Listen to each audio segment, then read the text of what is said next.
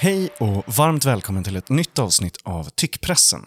Tyckpressen är Dagens ETCetras ledarpodd där jag, Max V Karlsson, tillsammans med inbjudna gäster pratar om vad som är rätt och riktigt, ehm, bra och dåligt, men framförallt kanske vad som är bra och dålig politik.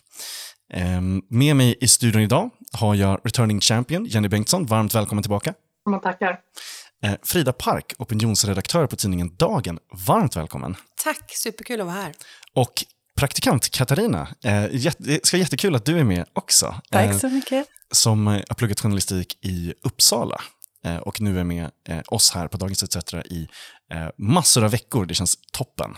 Man kör här, hon, hon är sån artist, så hon har ett artistnamn som är praktikant Katarina utan efternamn. men Alla exakt. vet vem hon är. Exakt, Coolt. Det är liksom Carola, ja, eller hur? Madonna Carola och... Eller Cher. Eller hur? Ja, celebert sällskap. Ja. Jättekul. Eh, det vi ska prata om idag har jag döpt till färska etiketter och politiska prislappar. Eh, vi ska prata lite om vad man väljer att kalla sig och kanske lite varför man gör det också. Men innan vi startar, helt innan vi startar, ehm, så eh, när vi spelar in den här podden, igår var det en väldigt stor ehm, politisk avgång. Eh, det var en partisekreterare som avgick från, ett, eh, från Kristdemokraterna då. Ehm, och jag vill bara fråga, som en förfråga, har ni någon annan så här, politisk avgång som ni kommer ihåg? Alltså någon särskild, så här, när någon politiker liksom lämnade med antingen med dunder och brak eller bara som man ja, kommer ihåg. Eh, för mig, eh, och jag kan börja, för jag har tänkt på det här. Eh, för mig så är det två stycken som jag tänker på. Eh, först Fredrik Reinfeldt på valnatten Exakt. vid förlusten. Eh, när han sa att han inte skulle fortsätta. Den natten. Jag blev så himla paff. Ja, verkligen. Och jag har sett det i efterhand också, där det verkade verkligen... Jag vet inte, det verkade som att det inte riktigt var färdigt förrän han sa det. Ehm, och, och Han sån- nästan överraskar sig själv. Eller hur? Det, men det, var, det var den känslan jag fick. Ehm, den andra sån som jag kommer ihåg, mm, inte jätteväl, men har läst mer om sen då, det är Lars Leijonborgs avgång. Eh, I skuggan av den här dataintrångsskandalen, eh, när de hackade sossarnas intranät och, och sånt där. Ehm, jag tycker det är spännande med avgångar. Jag tycker det, jag vet inte, jag, jag, jag får energi av det. Jenny, har du någon sån avgång som du kommer ihåg? Någon särskild? Ja, men ja. Eh, Den eh, kanske mest välkomna avgången någonsin, Sven-Otto Littorin. Oh, burn. Eh, Alltså kämpade stenhårt för att liksom förstöra allt som fanns på arbetsmarknaden och sen bara, va? Får man inte köpa sex? Och så avgår. Eh, Det är ju liksom årets avgång varje år någonstans. Men, men annars så tycker jag så här, att avgå eller hon eller han ska avgå, avgångar överhuvudtaget, är så urmjölkat begrepp. Alltså, jag kommer ihåg under pandemin när det skreks om att eh, statsepidemiologen skulle avgå. Och det kan han ju de facto inte, för att han är ju anställd. Och då har man liksom så här, jag ska inte komma till jobbet en dag och säga jag avgår för att jag är liksom inte vald. Eh, så att det har blivit ett så urmjölkat begrepp. Men annars, ja, Sven-Otto Littorin. Fler borde avgå som kan avgå, övrigt. Fler borde ta sitt ansvar och avgå. inte det typ en ledarsidas uppdrag att varje dag i alla fall kräva någons avgång liksom? Verkligen. Alltså, jag vet inte vad man har ledarsidor till Nej, annars. nej, Eh, jag ska skriva ledar, eh, ETC till eh, på lördag och eh, nu känner jag ju att jag måste begära någons avgång Ja, faktiskt. ta ditt ansvar Jenny. Vad säger du Frida? Har du Ja. något, eh, någon avgång som du... Ja, nu eh, borde jag ju ha något så här jättegenomtänkt bara för att ni har pratat om några andra. Men alltså, dels är det ju Reinfeldt, jag blev verkligen chockad. Jag blev jättepaff. Så jag bara, what? Var det det man förväntade sig eller tyckte var ansvarsfullt? Hade det inte varit bättre? Ja, men lite så här. Och så blev det ju som det blev med, med efterföljande. Anna Kinberg Batra fick ju inte den bästa starten och så. Verkligen. Eh, men sen är det ju faktiskt eh, socialdemokratiska gymnasieministern Aida Hadzialic. Exakt, eh, när hon åkte fast för rattfylla. Alltså jag gillade ju henne. Jag tyckte hon var sån, sånt löfte, framtidslöfte och Även om jag självklart har nolltolerans mot både rattfylla och liksom lagbrott eh, och det borde gälla alla, inklusive alla partiledare och så vidare, ehm, så, så, så var det ju ändå så mycket tveksamhet man kunde prata om där. Alltså, vad, vad som gällde i Danmark, vad som gällde i Sverige och så vidare. och så vidare. Så att, ja, men den minns jag, för jag tyckte att det var sorgligt men ändå, det fanns ingen annan utväg. Liksom. Jag tycker också det. Alltså jag tycker, och den var också, eh, alltså jag har tittat på den också, med, eh, även i efterhand och sådär. Den, det kändes väldigt, väldigt genuin för att alltså hon var så himla ledsen. Mm, mm. Alltså hon var så himla, himla ledsen när hon mm. avgick. Eh, nu har den ju kommit tillbaka då, men inte alls liksom till den nivån eller så, utan det är, nu är det ju regionpolitiken som Men she's still young känner jag. Liksom. Så det var väl så. Men det är väl också väldigt föredömligt att när man har när man har gjort någonting som faktiskt är lagbrott, att mm. man faktiskt visar att man är ledsen. Att det liksom inte är här, nej jag har inte gjort något fel, jag, jag, jag hade rätt när jag sa det här, mm. även om det är ett lagbrott, eller vad, man, vad det nu ska vara. Liksom. Eller den gaslightingen bara som man gör med det, liksom, när, ja. när, när man ja, antingen inte tycker att det var fel överhuvudtaget som du sa, men, men också bara eh, ändrar i efterhand också. Mm. Alltså vissa kan ju vara så här, ja men det där har jag redan bett om ursäkt för, och så har de aldrig gjort det. ja men lite mer, alltså, lite mer, vi måste dels inse att politiker är ju ofullkomliga. Mm. Alltså vi sätter dem på en piedestal och så ska de vara perfekta eh, och, och, och så liksom minsta lilla fel så blir det både drev och, och cancel culture, hela faderuttan. Mm. Men sen är det ju så viktigt för att inse att de är, de, de, de, är ju människor, de begår fel och vad är rimliga fel och vad är orimliga fel och ja, det där ska vi kunna prata länge om, jag stoppar där. Nej, det skulle kunna vara ett helt avsnitt också. Katarina, har du någon eh, avgång som du särskilt kommer ihåg eller tänker på? Nej. Det är helt okej. Man måste inte ha det heller. Men det är kul. Jag tycker det, jag håller med det är drama. Ja, exakt. ja, precis. Allt det ni sa. Ja. Men det är kul med drama. Liksom. Ja, men då vill jag... Den enda avgången, bara för att ha det sagt, som jag faktiskt har skrikit nej inför, det är ju Håkan Juholt. Och det var Just så det. väldigt... Och jag är ju liksom inte en sosse, så att, ja, det var den liksom mest känslomässiga avgången, tänker jag. Mm. Ja, det var, ju, det var ju så mycket märkligheter runt det där överhuvudtaget. Ja, men ja, mm, oj vad vi kunde prata om det. Det får bli ett eget avsnitt, avgångar. Verkligen. Avgångar vi minns. Verkligen, verkligen. Det här ja, det, det kommer det definitivt att bli. Eh, men min eh, första fråga till er då. Vi eh, har allihopa läst en artikel eh, i Dagens Nyheter. De har gjort en undersökning tillsammans med Ipsos där fäll, allt färre väljare väljer att kalla sig själva liberaler. Så, eh, eh, och det här är ett av de stora då, skiftena som man ser. Eh, det, är, eh, det påverkar Eh, eh framför allt så syns det här falnande intresset då, eh, eh, hos Moderaternas väljare, där det är färre som kallar sig själva liberaler och mycket fler som kallar sig själva konservativa istället. Eh, det har eh, sjunkit då från 31 procent av Moderaternas väljare till eh, 26 procent. Det är ändå ett tapp. Eh, och, och sen då eh, så ser man det här, ja men det är även färre inom Liberalerna och inom Centerpartiet. Jag vill fråga er, kära panel, eh, vad är skicket på det liberala frihetsprojektet i Sverige idag? Hur mår svenska liberaler? Frida, vad säger du? Men alltså man kan ju antingen vara väldigt drastisk och säga eh, liberalismen är död. Men det, det, det är kanske lite väl. Eh, men däremot så kan man ju säga att på ett sätt så har ju liberalismen självförverkligat sig och vi insåg att det hade inte alla svar. Om man tittar på um, samhällsutmaningarna vi har idag med gängkriminalitet, klimat, eh, kris i skolan, kris i vården så är kanske inte mer frihet svaret på alla dem. Utan det behövs någonting annat. Och ska man liksom bli eh, riktigt ideologisk, och det är det det här handlar om, det är det jag tycker är intressant med den här undersökningen. Det handlar inte i första hand vad tycker du om Eh, elstödet. Nej, eller sak, exakt, jättespecifika eh, liksom sakfrågor ja, heller. Utan nej, nej. Det... Och då tror jag det blir lite svårare för svensken. Jag är lite så här krass och tänker hur många har egentligen funderat igenom vad, vad de här begreppen är? Och både då, vad, vad är konservatism? Vissa menar ju att det är ju bara att vara typ reaktionär och andra menar nej, men vi ska bevara det som var bra. Men i alla fall, så då, då tror jag att många tänker så här, okej, okay, liberal, då förknippar vi det med Liberalerna, partiet. Eh, eh, det är det de önskar. ja, det är det de önskar. Liksom. Men, men tar man en sökning i Moderaternas dokument, alltså, så ser man ju att typ de gånger liberalism eller Liberalerna närmst liberal, så är det kopplat till partiet på senare år. Och det är lite intressant för att tänker man liksom på Reinfeldt-tiden och nyliberalismen när man la undan pärlhalsbanden och, och pälsarna och istället skulle vara liberaler och det nya arbetarpartiet så nu är de tillbaka, om man säger så. Pärlhalsbanden och inte tiarorna, men ni fattar. Mm. Eh, och, och, det är ju också för att världen ser lite annorlunda ut. Man insåg att eh, det där är nog inte svaret. Liksom.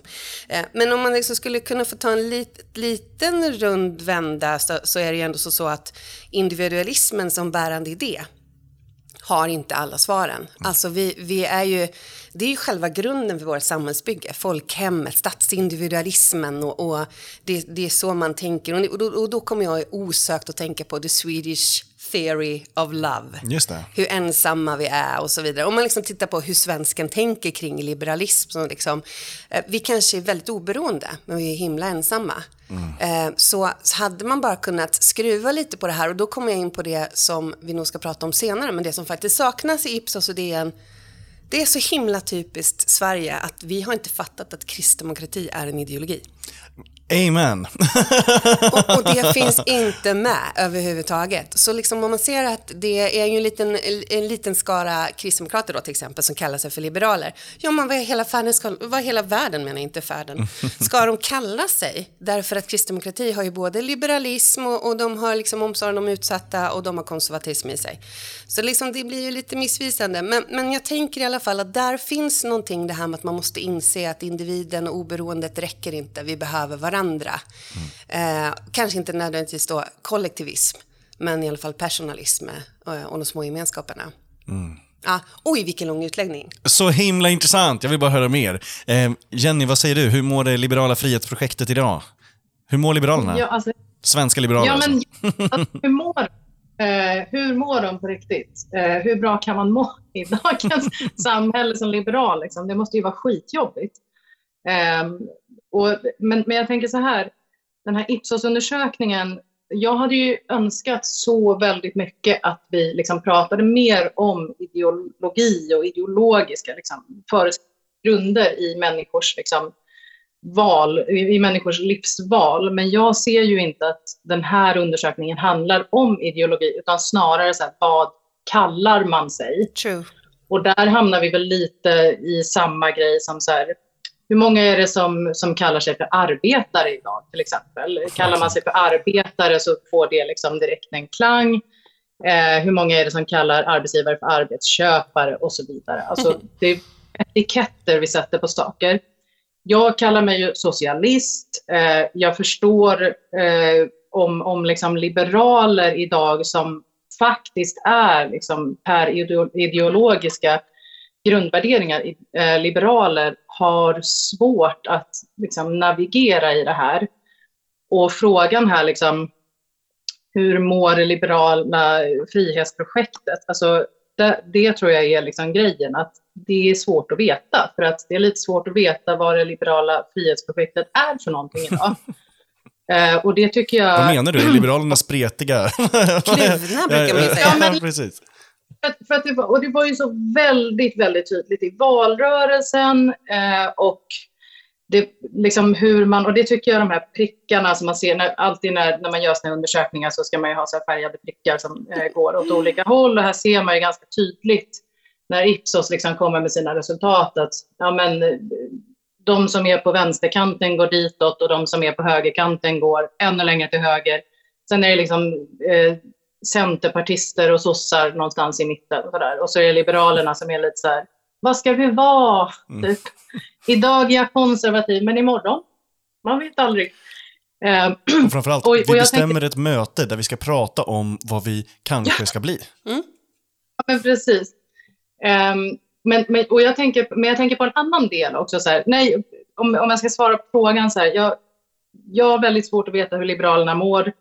Eh, därför att jag tror att Liberalerna är i identitetskris. Eh, och det är ganska kopplat till Liberalerna, partiet, som ju får statuera exempel för att vara liberal.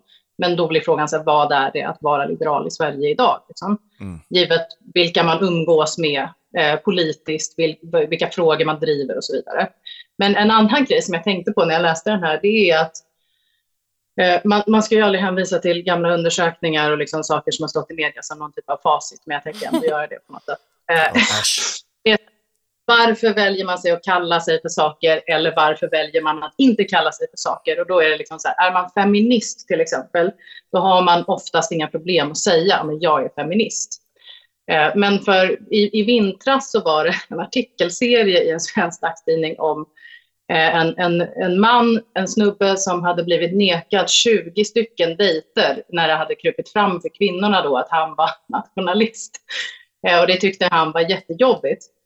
Eh, och, därför så, och, och, då var det också en undersökning som visade att män vill inte längre liksom vara de vill inte kalla sig för nationalister för då får de inte ligga. Ja, precis. De sa ju till och med att de ljuger rakt av. Han sa, ja. han sa ju själv ja. att han hade ljugit om att han hade röstat på Miljöpartiet någon gång liksom, mm. eh, till de här. Ja, men då är det inte så himla av. konstigt att nationalismen är så liten i den här undersökningen. Det är så osexigt. Nej, så det, och, jag, alltså jag, och, det är den överordnade ideologin. Vad är sexigt? Ja.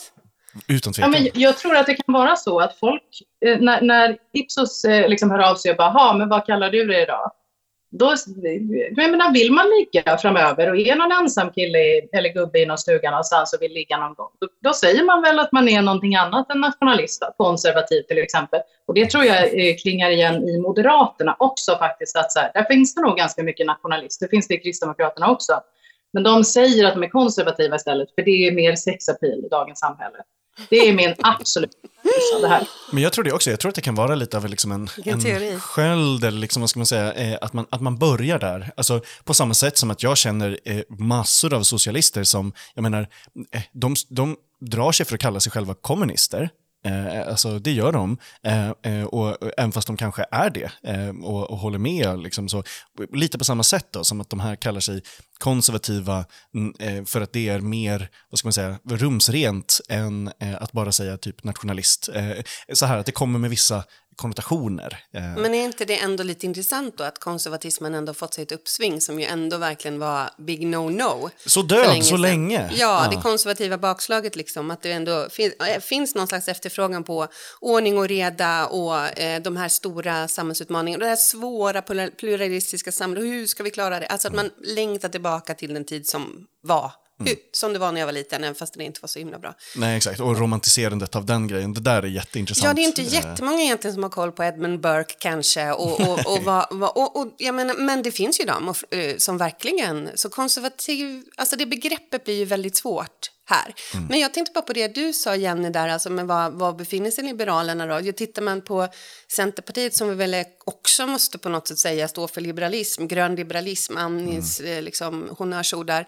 Så de har ju liksom rört sig åt, åt olika håll, helt och hållet. Maud Olofsson som var själva arkitekten bakom alliansprojektet, hennes parti blev ju det partiet som, som dödade alliansen eftersom man, man såg som sin huvudsakliga uppgift som liberaler att vara emot socialkonservativa nationalistpartiet SD. Mm. Medan Liberalerna nu ingår i någon slags koalition med det partiet, vad är det då att vara liberal? Det är inte helt enkelt. Liberalismen är liksom inte riktigt så eh, enkel att relatera till idag. Och därför så blir det svårt. Verkligen, verkligen. Och nu är det ju båda de här partierna mer eller mindre i kris. Alltså, ja, eh, men verkligen. Centerpartiet är ju, ja, de superkrisar. Eh. Verkligen. Har du pengar på banken? ETC Sol investerar dina pengar i solceller, det vill säga framtiden. 2500 personer har sparat pengar och får nu 2% ränta. Vill du vara med? Läs mer om hur du sparar på etcsol.se. Katarina, har du någon eh, tanke på vad, vad, eh, hur ser du på det liberala frihetsprojektet? Hur mår, hur mår svenska liberaler? Vad skulle du säga? Ja, eller jag tänker eh, mer på det ni pratade om innan, vad mm. man vill kalla sig och vad man associerar saker och ting. Och jag satt själv nu och så här, när jag hörde er säga orden, vad jag associerade det till. Mm. Och det kan vara ganska så starka liksom, så jag känner själv att oj, jag måste ja, fundera själv på vad jag... Men um, också tror jag att det beror, det är olika, beror på vem som säger det. Jag vet att om jag, liksom, personer jag känner som är lite äldre tycker att de vill inte kalla sig feminister. Det är väldigt så här, de ser det som liksom en ung grej fortfarande. Typ. Inte bara som jag sa nu, äldre också, alltså även liksom 46-åriga. Ja, ja, men också att, ja, men just det här att man inte känner igen sig, många som liksom pratar att det som syns mest nu, till exempel liksom vit feminist, mm. alltså, mm. och den intersektionaliteten mm. saknas i många debatter och de som ja, de som hörs Men det är definitivt Så att man känner ålders- inte igen sig och det kanske är det. Det är definitivt en grej i det också. Men det är också åldersbetingat. Det där har vi pratat om i tidigare avsnitt. Alltså att, eh, I ungdomsbarometern så ser man ju fortfarande att den absolut främsta identiteten som unga tjejer har är feminist. Eh, det är Men, fortfarande men det alltså, jag, jag tänker att jag ska sticka ut eh, hakan lite här och Kör. säga att för min del får färre och färre kalla sig feminister. För att, eh, det, och det är inte för att jag inte liksom, är råfeminist, för det är, och jag har inga problem med att kalla mig för det. Men jag är ju av, och, och liksom, jag tänker många med mig, av den absoluta åsikten att ingen feminism utan socialism till exempel. Jag tror inte att Annie Lööfs så kallade feminism kommer göra någonting för mig eh, eller mina systrar. Jag är ganska säker på att liksom Birgitta Olsson och kompani, liksom förebilder i feministrörelsen, liksom inte är lösningen. Utan feminism för mig är ett ord, men det är också en rörelse i rörelsen. Alltså det krävs ju väldigt mycket politiska ingrepp för att få till stånd faktiska, eh, praktiska förändringar för, eh, för kvinnor och flickor i Sverige och, där, eller, och i världen. och jag, jag tänker så här, för mig gör det ingenting att människor slutar kalla sig feminister om de ändå inte i praktiken är det. Men som när Ebba Busch liksom tog på sig någon så här feministtröja och gick i Pride-tåget. Eh, och, eller när man liksom så här, oh, nu ska alla, alla så här, den sanna feministiska gärningen det är att spara ihop typ 100 000 i fuck off-kapital.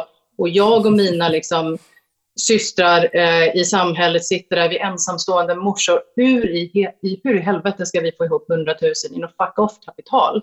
Alltså det är en så Verkligen. väldigt... Medan liksom- barnvräkningarna ökar just eh, när det är, en, Ja, det är ensamstående mammor måste- med barn. De vräkningarna ökar liksom jättemycket nu.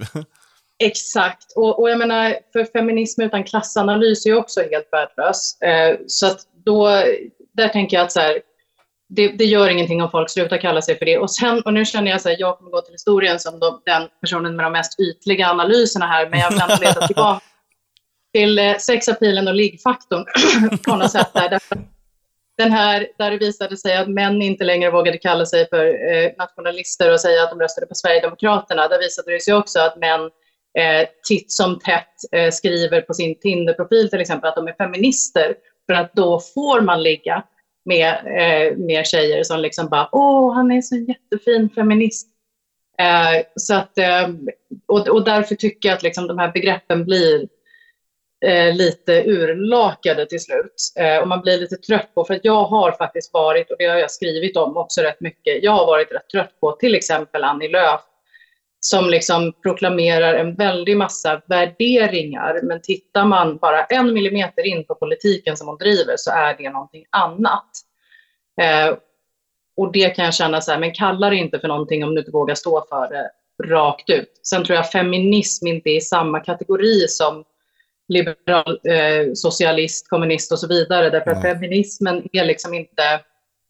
Feminism kan vara på väldigt många olika sätt beroende på vad man till exempel har för politiska värderingar. Jag menar, det är ju för, jag kallar mig feminist, Annie Lööf kallar sig feminist. Ja, men vi har väldigt olika värderingar så. Så att jag tror inte att det finns en feministisk rörelse. Det har aldrig funnits det och kommer aldrig göra det heller. Mm. Eh, sen tycker vi alla att vi sitter på facit. ja, konstigt annars. Eh, nu är vi ju i den andra punkten som jag döpte till Vibe check. Hur mår våra identiteter? Eh, och Det här är intressant för att det är ju så att det rör på sig. Eh, konservatismen går upp, nationalismen går ner, trots att den har sin eh, våg över världen. Alltså det finns ju eh, ma- i massor av länder där nationalismen eh, eh och olika typer av nationalism har exploderat i, i popularitet. Eh, socialist och feminist står, eh, alltså feminist backar ju lite då som, som epitet även här, men socialist står fortfarande starkt då. Eh, som att det i den här DN Ipsos är det fortfarande den mest populära. Men Fast den backar väl ändå? Det Den, kan vi säga. ja, ja, den backar, den backar. Men det är fortfarande den som är eh, eh, som flest kallar sig. Eh, Frida, är du förvånad över det? Eh, Att 30 procent av liksom alla kallar sig fortfarande socialister? Men alltså, igen, så här, det, vad, fan, vad var alternativet? Alltså, det, eh, socialdemokrat var inte med. Nej. Socialliberal var inte heller med. Okej, okay, så om du har ditt hjärta till vänster, alltså du får ju både kommunisterna, proletärerna och, och hela vägen till socialliberal, nästan där. Om du inte då är väldigt frihet till liberal, eller kan tänka sig att ta liberal istället. Så att, nej, jag är inte förvånad. Jag är alltså snarare förvånad att, eh, att inte liksom fler inom Socialdemokraterna kallar sig för socialister. Det tyckte jag var lite intressant. Eh, men det, har ju, det är ett parti som har rört sig mot mitten och som jobbar mer på sin socialliberala ådra, ådra och borgerligheten, eh, hallå hallå, så att det, det, är väl inte så, så förvånande egentligen liksom under Magdalena Anderssons tid, korta tid. Men eh, nej, jag är inte förvånad att så. Men, men om man nu skulle köra den här eh, logiken som Jenny har, jag tyckte det var jättespännande Jenny, att det är inga problem egentligen att folk inte längre kallar sig det eller det, därför att eh, ja, men de som är, det, det är liksom en rörelse eller en riktning har patent på att kalla sig detta. Då, då blir det här på något sätt bara vi vet ingenting helt plötsligt. Och det gör vi, vi bara sitter och pratar här, väder, väder och vind ungefär, fast inom då vad vi kallar oss. Ehm, men jag tänker ju att vibe-checken här, alltså hur mår våra identiteter, vi är ju inte så himla pigga på att bekänna oss till en identitet som innebär att vi måste köpa ett helt kollektivs eller en hel rörelses hela politiska eller ideologiska eller teologiska program. Verkligen, Utan hela vill, manifestet. Ja, liksom. men exakt. Jag vill definiera mig själv, jag är lite si, jag är lite så. Jag tänker så här på Twitter-biorna. Jag vet, jag vet, inte om ni såg det, men jag skrev det för ett tag sedan. Så här, bara, jag fattar inte varför folk måste definiera sig själv så till en milda grad till nästan vilken dag de, de vill ligga och vilket vin de vill dricka och vilket lag de hejar på. Alltså det är så här, varför är det så himla viktigt? Så att vi är inte lika så benägna att då gå med i ett parti och engagera oss. Eh, men där är vi mer benägna kanske att tycka att vi sympatiserar med en ideologi samtidigt som vi inte vill köpa ett helt åsiktspaket utan vi gör vårt eget lilla hopkok. Och det är ju så det också funkar med religionen idag. Liksom, att, nej, men, mm. nej, men, eh, jo, men jag tror på något, eh, men jag vill inte kalla den Gud. Eh, hen Gud, utan, men, men övernaturligt absolut. Och så gör man sitt eget lilla hopkok. Det är liksom i ett nötskal. Mm. Så det är svårt med identiteter. Och det blir också svårt då med gemenskap med samhörighet. Ja, för det är väl det. Alltså, det, det är väl därför man, man gör det. Vi, vi glider lite in också på, eh, ja, de här punkterna får glida in i varandra, det är helt okej. Men, du eh, försöker för, desperat hålla eh, ordning på oss. exakt. Eh, nej, nej, men, och, men det, det hör ju så nära ihop för att det är väl det som är funktionen. Alltså, ja. Det är väl därför man överhuvudtaget fortfarande vill kalla sig sådana här eh, eh, grejer, för att markera en tillhörighet. Mm. Vad säger du? Men, men alltså, jag tror det är jätteviktigt att Eh, för att, här, min, min, logik här någonstans, eh, som jag ändå vill försöka mig på att förklara, det är att jag tycker att folk ska kalla sig för saker om de faktiskt också kan stå för det. Och det är svårt när det gäller feminismen eftersom det kan vara väldigt många olika saker. Det är lite annat att säga så här, jag är socialist och sen säga att jag följer hela Moderaternas partiprogram från punkt Exakt. Punkt, liksom. Eh, för, att, för, att, det är enklare med, med politiska ideologier så. I alla fall socialismen. Eh. Inte lika lätt med konservatismen då. Liksom. Ja, Nej, men det, det är ja. allt som är dåligt och då är man konservativ. Nej, men, men, jag tänker att um, vibecheck, hur mår våra identiteter? Alltså, jag, jag skulle nog inte vilja tillskriva, för att som, som jag sa tidigare, alltså jag tänker att när man ställer frågan till människor, men vad är du beredd idag att kalla dig för? Så här, vad, socialist eller är du liberal eller konservativ eller nationalist? Då tror inte jag att folk riktigt svarar eh, på liksom vart man är på riktigt ideologiskt, utan vad man väljer att kalla sig. Så att det här med att så här, Eh, färre kallar sig för feminister, det ska man ju inte ta som intäkt för att det finns färre feminister eh, liksom i samhället eller att det finns färre, att nationalismen är på tillbakarullning, för det tror inte jag att den är tyvärr. Utan jag tror bara att den har flyttat in i, och det har den ju också, flyttat in i finrummen, eh, är en del av regeringsunderlaget och, och då behöver, de behöver väl inte alltid kalla sig för nationalister längre då, eh, eftersom det fortfarande är ett ganska eh, jobbigt begrepp. Eh, det kan komma jobbiga eh, följdfrågor om man säger att man är nationalism, nationalist. Och nu menar jag alltså jobbigare än att man inte får gå på dejter. Och, och så, så där tänker jag att jag, jag vet inte om man ska tillskriva så mycket liksom politiska strömningar på riktigt till vad folk väljer att kalla sig. Och sen tror jag att de här begreppen är ganska mycket för de som redan är insatta i mm. politik, eller på med politik på något sätt. Alltså jag kommer ihåg eh, i, på en helsida i någon tidning i valet, jag tror att det var 2014, så var det så här, folk som väger, ni vet så här, det ena eller det andra när det bara är en eller två dagar kvar till val. Och då var det en, en eh, person som stod med en barnvagn och sa, vad ska du rösta på? Så, jag vet inte riktigt. Jag väger mellan Vänsterpartiet och Moderaterna. Mm. Och då var det, hur är det möjligt att väga mellan dem? Och det tycker jag säger så mycket om att så här, man är inte, som Frida var inne på, man är inte riktigt alltid bekväm med att köpa ett helt koncept. Alltså, så här, och jag, man har ju hört folk säga typ, ah, men jag tycker det är jättebra det här med glasögon till barn och liksom sjukvård och så här. Men invandrarjävlarna, de ska ut va. Så att det blir liksom lite så här, man tar lite från det ena, lite från Vänsterpartiet, lite från Sverigedemokraterna.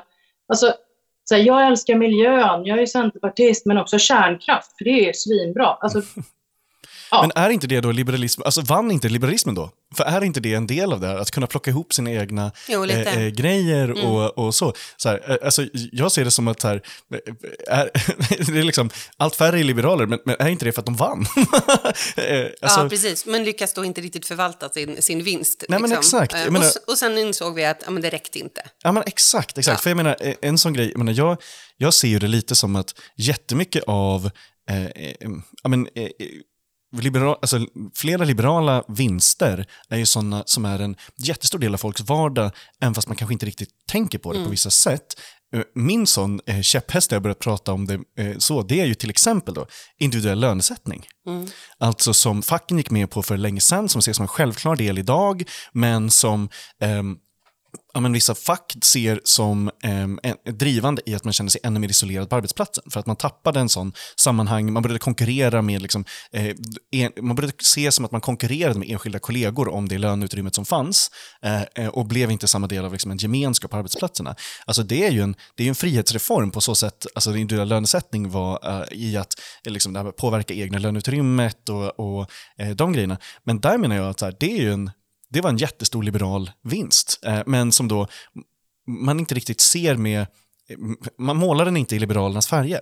En bättre vinst eh, liberalmässigt att prata om, som jag brukar tänka på och som också gör att jag inte känner igen alltså, Liberalerna nu eh, och back in the day, så man kan ju för all del liksom förändra, alltså det gör ju många eh, politiska eh, partier och rörelser, men, men Liberalerna back in the days, liksom, för över hundra år sedan, ligger ju bakom de största reformerna på arbetsmarknaden. Och då tänker jag på um, arbetarskyddet. Alltså man tog initiativ till arbetsmiljöreglerna, eh, kontrollen, yrkesinspektionen.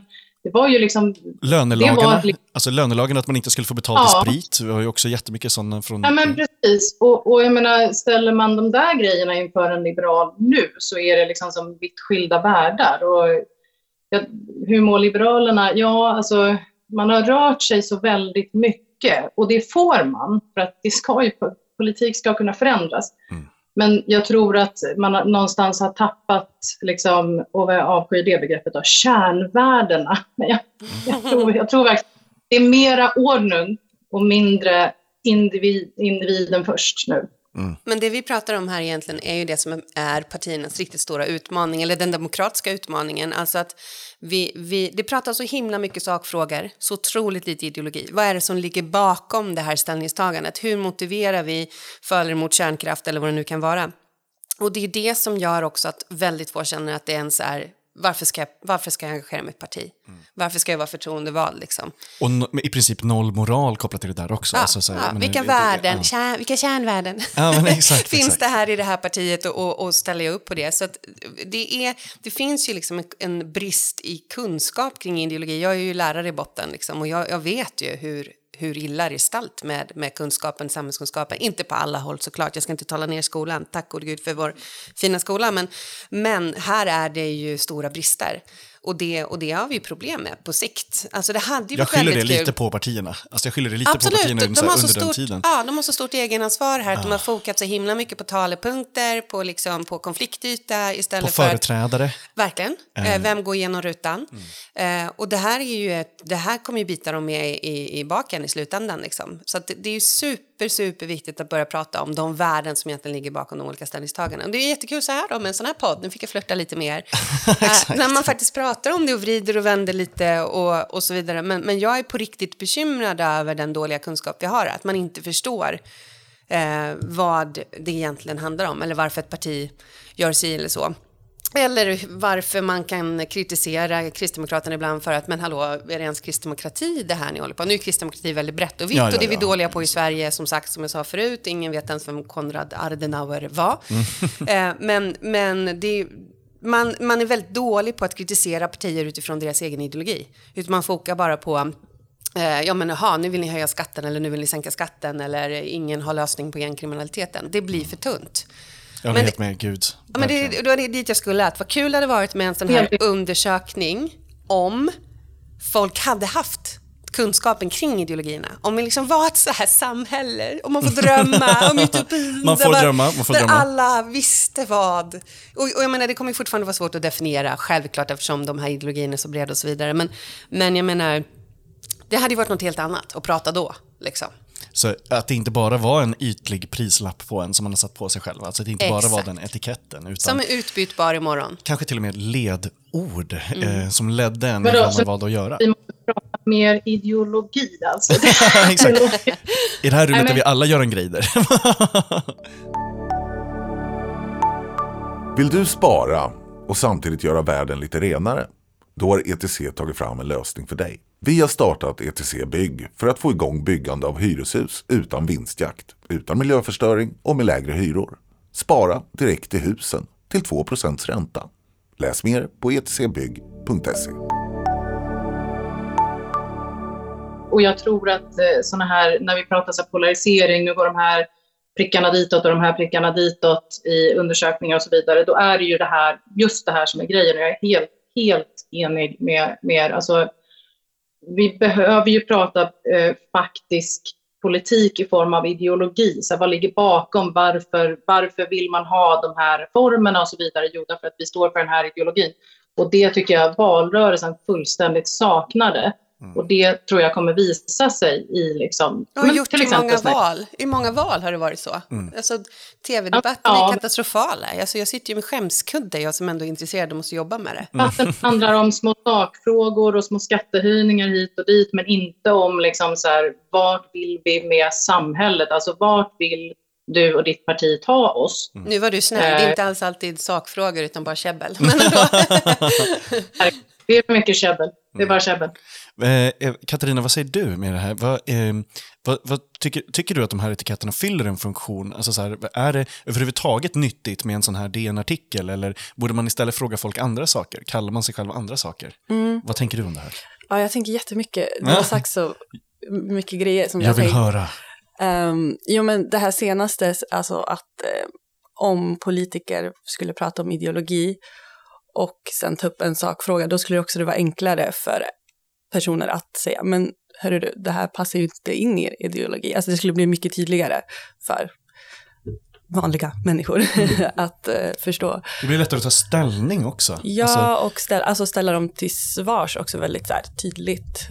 Vad är det ni håller på med? Det går, inte, liksom, det går emot er ideologi. Ehm, och sen att, eh, ja men det du pratade om innan, att eh, jag tänkte att många kanske inte vill, alltså vill associera sig till eh, politiska partier och kanske vara lite safe. Alltså att, för att om, om jag säger att jag är liberal, då måste jag hålla med om allt som det innebär.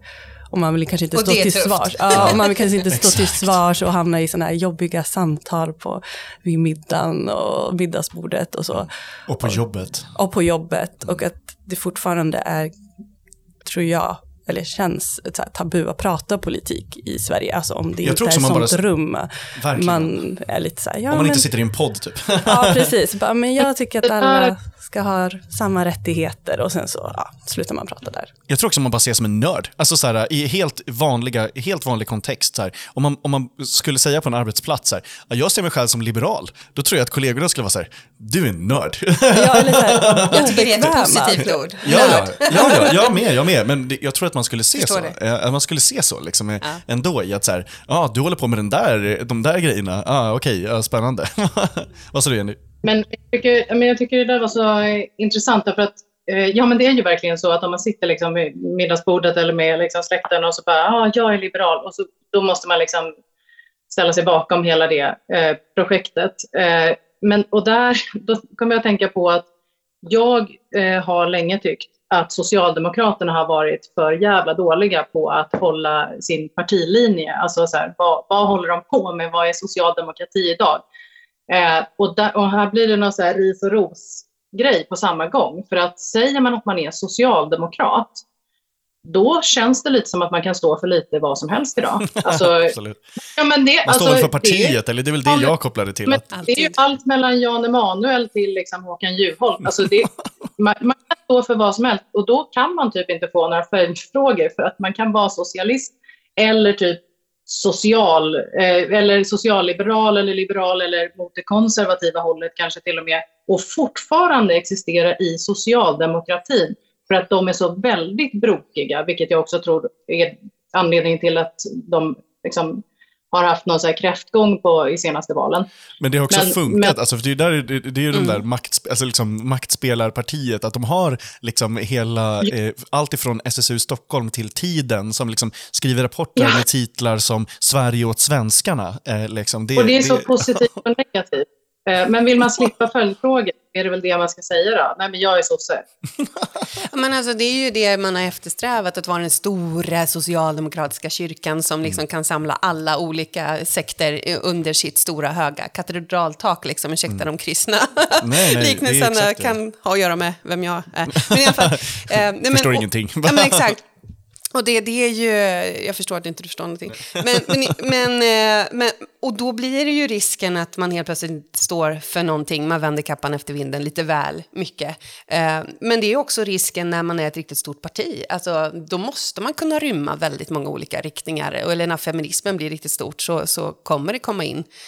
Alltså, är du ett litet parti så kan du vara ganska korsig, ganska renlärig, ganska hård, ortodox på vad du står för. Det blir svårare. Alltså nu håller inte den, den, den liknelsen kanske för Liberalerna, kom jag Men, på. men håller med för Vänsterpartiet till exempel, Ja. alltså, som har hållit sig i, i, i ungefär samma storlek väldigt länge. Lika kommunistiska hela vägen. Ja, Ja mm. men exakt, mörkröda. Japp. Eh, Nej men, eh, eh, ja det är intressant. Det, är, eh, det här är så himla roligt att prata om, men vi är färdiga för idag. eh, tiden går extremt fort när man har jätteroligt. Eh, vi brukar alltid avsluta tyckpressen med att våra gäster får tipsa om någonting, precis vad som helst. Det kan vara ett boktips eller en eh, artikelserie eller eh, ehm, ett evenemang man ska ha eller gå på. Ehm, eller precis, precis vad som helst. Jenny, vad vill du tipsa tyckpressens lyssnare om den här veckan? Eh, nej men gud vad tråkig jag kommer låta nu. Jag kommer inte tipsa om något så här spexigt evenemang.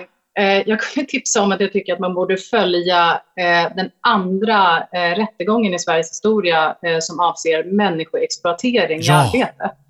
Det är en näringslivsprofil i södra Sverige som står åtalad för att mer eller mindre ha liksom förslavat eh, ett, ett hembiträde, tjänstejon. Mm. Eh, Det kom idag. och Ja, jag läste det i morse. Ja. Det var helt sensationella uppgifter. Alltså. Ja, och, och för grejen är att här finns det en lagstiftning som, som inte är arbetstidslagen i botten, utan som på riktigt är en gammal hembiträdeslag i Sverige. Eh, alltså lag eh, som gäller arbete i eh, arbetsgivarens hushåll. Och det är väldigt intressant att följa och eh, hoppas vi får liksom en bra utgång av det hela. Framförallt för eh, den som har exploaterats. Grymt. Vad roligt spex. Ja, men det är jättebra tips. Ehm, Katarina, vad har du för tips till tyckpressens lyssnare den här veckan? Precis vad som helst.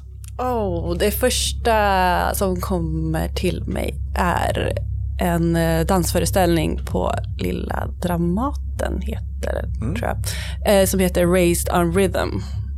Vad är det? Det är en eh, streetdance-föreställning som Nicky Sapos har koreograferat. Och jag tror att den nästan är slutsåld. Okej, så man får skynda sig. Ja, kommer vara typ 30 föreställningar tror jag. Det- Ja, mycket bra. Mm. Eh, Frida, vad har du för tips? Ja men alltså, åh, eh, ja, vad svårt. Jag, jag känner så att jag hade kunnat ge er en hel bunt med tips eftersom våra världar inte alltid möts så jätteofta. Förut, visste ni det att Dagens ETC är så himla lik min tidning Dagen? Så våra prenumeranter får ju ofta Dagens ETC i sin brevlåda och tvärtom. Vi har, också, vi har hört det. Eh, Ja. vi, vi har, alltså det händer rätt ofta faktiskt. Eh, Alltså eh, där, our, our worlds collide liksom. Ja, men overlap. Ja, men jättekul. Nej, men jag skulle vilja tipsa om min bokklubb som är öppen för alla, nämligen Läsarpodden. Med eh, kyrkohistorikern och teologen Joel Halldorf, som ju skriver på Expressens kultursidor bland annat och på våra egna kultursidor i dagen. Och Patrik Hagman som är präst och teolog. Och de tar ju sig an alla möjliga spännande böcker, allt ifrån höger till vänster, från Jane Austen till Tolkien till ja, men riktig, eh, alltså Alistair McIntyre och så vidare. Och bara grottar ner sig. Och de, har de kommer ju från ett annat håll än vad väldigt många andra gör. Och jag tycker det, det är så fräscht, det är så intressant. Det får alltid mig att tänka massa nya tankar. Och jag älskar att få tänka nya tankar. Så läsa podden, det hittar man på, på Libsyn eller Spotify. Ja. Gud vad bra. Läsarpodden. Mm. Gud vad intressant. Jag, jag ska lyssna. Det låter right up my alley. Ja, det tror jag Eh, verkligen. Gud Kör. vad intressant. Ehm, och eh, jag har inget särskilt tips egentligen eh, den här veckan. Eh, jag spelar väldigt, väldigt mycket tv-spel just nu och det gör mig väldigt, väldigt glad. Det, är, det är fortfarande lika roligt. Eh, ja, så att, eh, Nej, men vad spelar du då? Just nu spelar jag mm, ja, massa olika, eh, eller jag hoppar mellan olika spel, men jag spelar ett spel som heter Hades. Eh, Wow. ja, där man spelar som Sagrius, alltså son till Hades, eh, som försöker fly från helvetet. Jaha. Eh, och så får man hjälp av andra gudar. Wow, det här kan man verkligen applicera på samtiden. Intressant. Det är jätteintressant. Ja. Eh, och, och så är det ju Ja. så då att varenda gång... Vad sa du Jenny? Det handlar om det liberala frihetsprojektet. exakt, exakt. Men det är också så att varenda gång man förlorar så måste man starta helt om från början. Så det finns också någon metafor där. Det är lite så, eh, inte evighetsarbete, men eh, gör du ett misstag så är du liksom hela vägen tillbaka. Alltså det är verkligen där rulla stenar upp för berget och så börjar Lite man... så. Fy vad jobbigt. Ja, jätte, jätteintressant. Eh, så eh, det kan ni spela om ni vill, kära lyssnare. Eh, stort tack för att ni lyssnade och jättetack till panelen för att ni var med den här veckan. Hej då! Visste du att 90% av medierna i Sverige är borgerliga? Samtidigt har extremhögern byggt upp en hel pamflett av propagandasidor. Dagens ETC är dagstidningen som ger hopp och ryggrad att stå emot den blåbruna sörjan. Sveriges enda röda dagstidning för en grönare värld. Testa att prenumerera idag på etc.se.